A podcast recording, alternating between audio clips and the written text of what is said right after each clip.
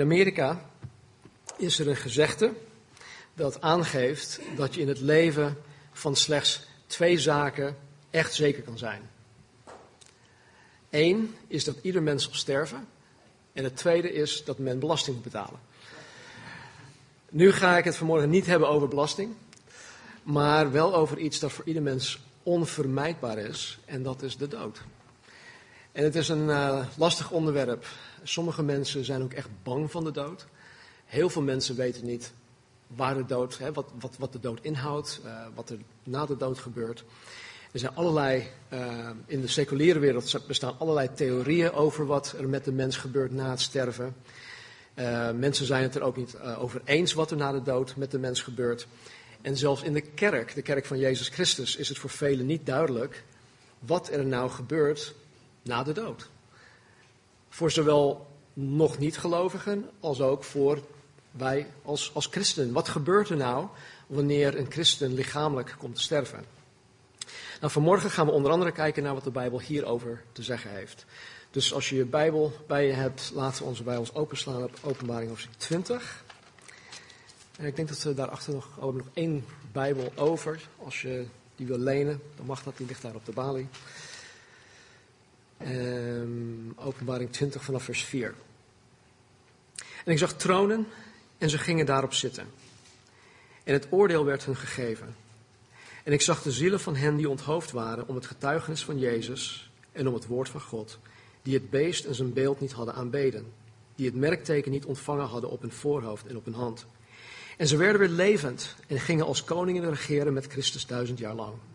Maar de overigen van de doden werden niet weer levend, totdat de duizend jaar tot een einde gekomen waren. Dit is de eerste opstanding. Zalig en heilig is hij die, die deel heeft aan de eerste opstanding. Over hen heeft de tweede dood geen macht. Maar ze zullen priesters van God en Christus zijn. En zij zullen met hem als koningen regeren duizend jaar lang. En wanneer de duizend jaar tot een einde gekomen zijn, zal de Satan uit zijn gevangenis worden losgelaten. Hij zal uitgaan om de volken te misleiden, die zich in de vier hoeken van de aarde bevinden.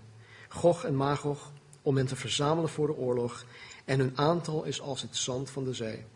En ze kwamen op over de breedte van de aarde en omsingelden de legerplaats van de heiligen en de geliefde stad. Maar er daalde vuur van God neer uit de hemel en dat verslond hen.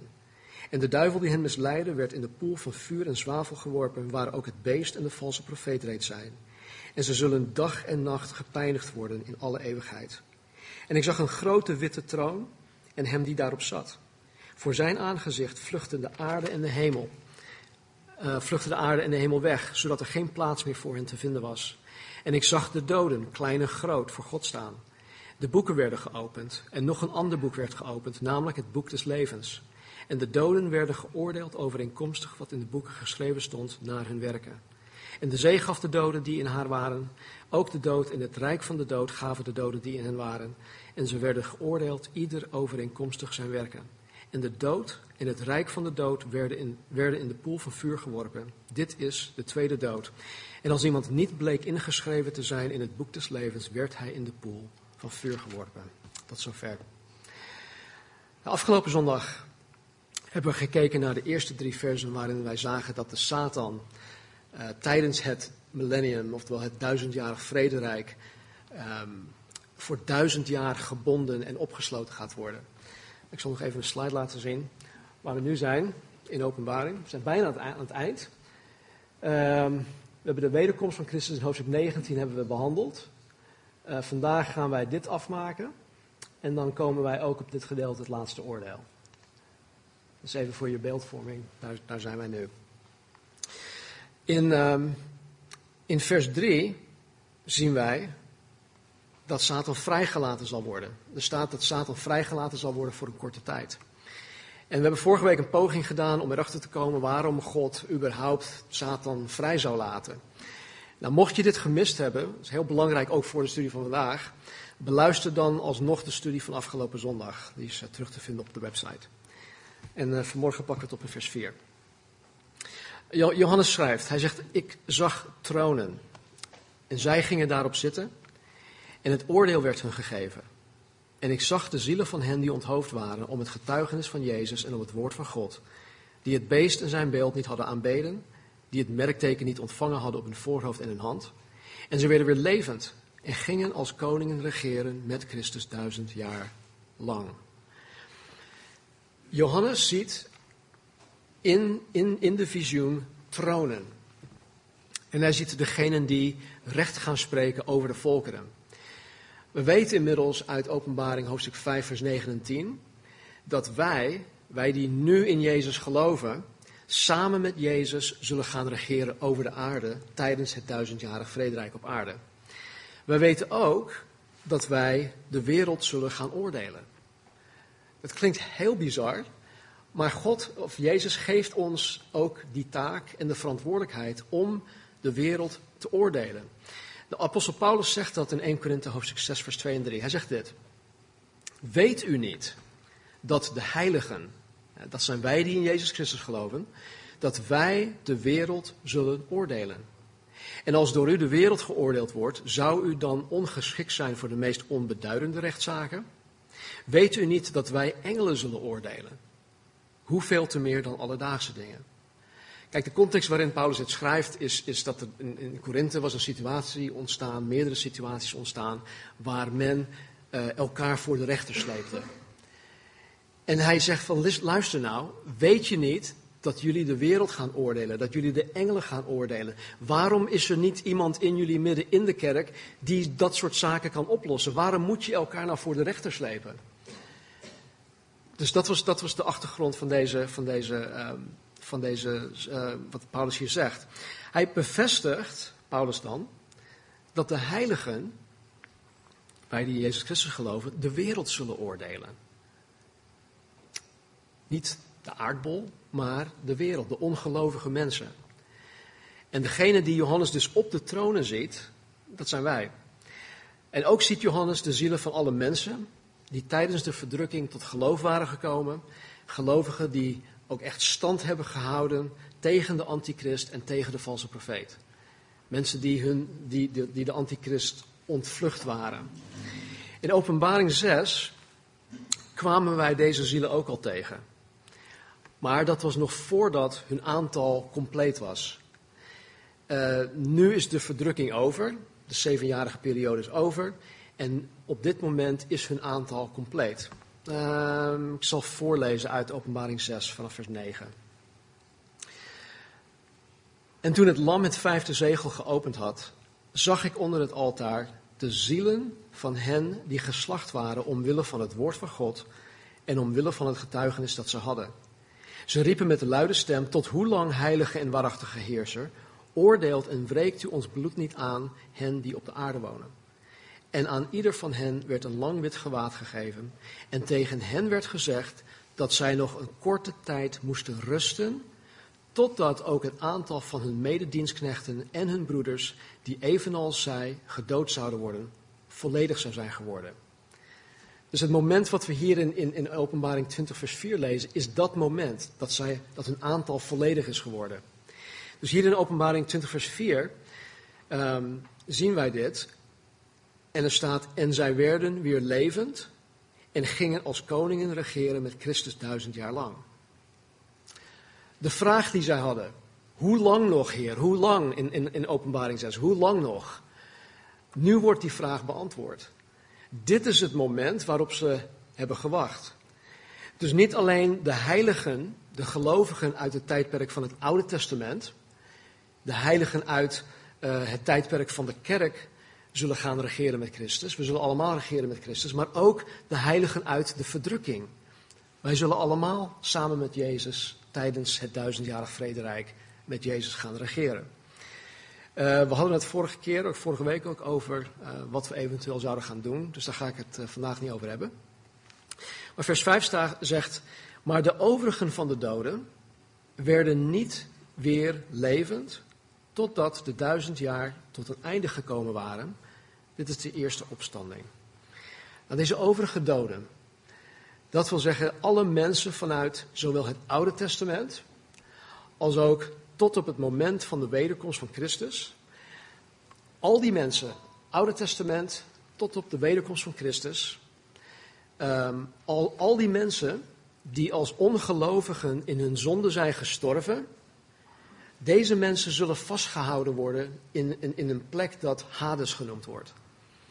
Het is geen uh, vage vuur zoals de katholieken dat geloven, maar het is echt een plek waar zij opgesloten worden. Ze zullen pas lichamelijk uit de dood opstaan na het duizendjarig vrederijk. Dus denk even met me mee. Vanaf Genesis.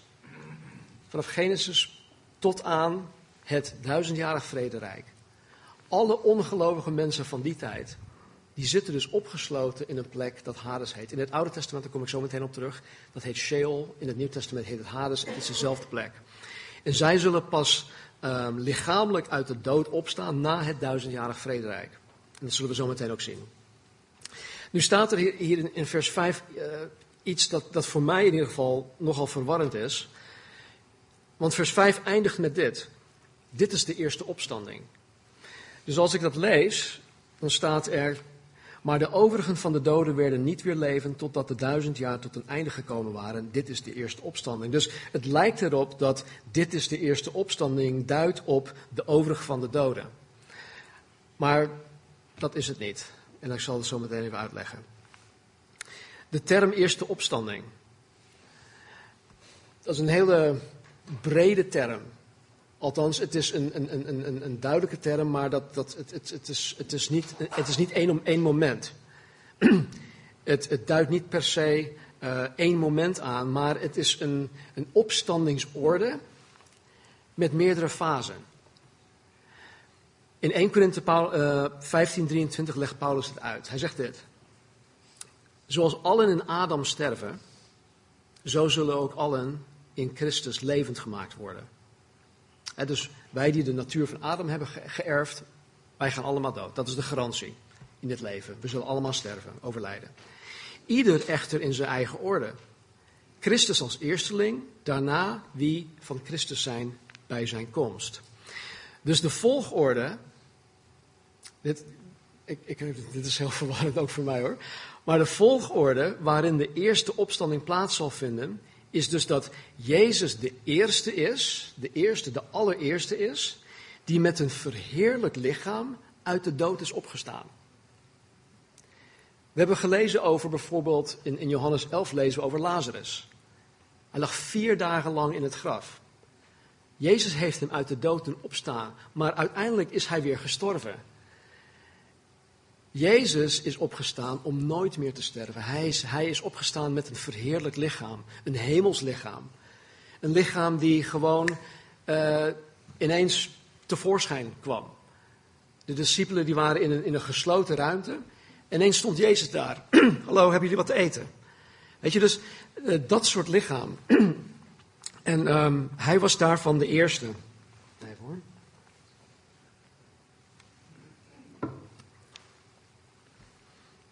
Dit is dus fase 1.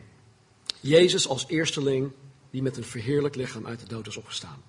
Vervolgens zullen alle leden van de kerk hun verheerlijk lichaam krijgen wanneer de opname plaatsvindt. Dus als wij, als wij, nu, wij die nu leven, stel dat, dat vandaag of morgen de opname komt, zullen wij in een onverdeeld ogenblik, onverdeelbaar ogenblik ons verheerlijk lichaam krijgen. En we zullen de Heer ontmoeten in de lucht. Tegelijkertijd zullen alle gestorven gelovigen uit zowel het Oude Testament als ook het Nieuw Testament op dat moment hun verheerlijk lichaam krijgen. Dus dat is fase 2. En daarna zullen ook de gelovigen die tijdens de verdrukking gestorven zijn, waar we net over gelezen hadden in vers 4, hun verheerlijk lichaam krijgen um, op dit moment in hoofdstuk 20, vers 4. En dat is dan fase 3. Dus de eerste opstanding omvat drie verschillende fasen. Het is niet gewoon iets dat ergens gebeurt um, in de tijdlijn. Dus voor alle duidelijkheid, de eerste opstanding in alle drie fasen heeft zuiver te maken met de heiligen. Het heeft te maken met de gelovigen. De gelovigen uit alle tijdperken. Dus vanaf Genesis tot aan het begin van het duizendjarig vrederijk. En allen zullen uh, bij deze opstanding een verheerlijk lichaam krijgen, zoals die van Jezus. Nou, alhoewel het er in vers 5 uh, op lijkt dat de eerste opstanding op de overige, overige doden duidt, duidt het op, uh, op alle gelovigen. Dit heeft te maken met. Um, um, met de opbouw van deze versen in, in, in de grondtekst. In het Grieks. En dat, dat zien we ook in vers 6. Want uh, Johannes uh, gaat verder. Hij zegt: Zalig en heilig is hij die deel heeft aan de eerste opstanding. Over hen heeft de tweede dood geen macht. Maar ze zullen priesters van God en van Christus zijn. En ze zullen met hem als koningen regeren duizend jaar lang. Nogmaals, de, de eerste opstanding is voor de gelovigen. Deze zijn zalig, zegt Johannes. Zalig betekent dolgelukkig. Waarom? Omdat zij priesters van God en van Christus zullen zijn tijdens het duizendjarig vrederijk. De taak, ik weet niet of je dat weet, maar de taak van een priester, een bijbelse priester, was om mensen bij God te vertegenwoordigen. Het, het, eh, een priester diende als een soort tussenpersoon tussen de mensen en God in. Maar hier staat dat wij priesters van God en van Christus zullen zijn. In tegenstelling tot priesters voor God. Dit betekent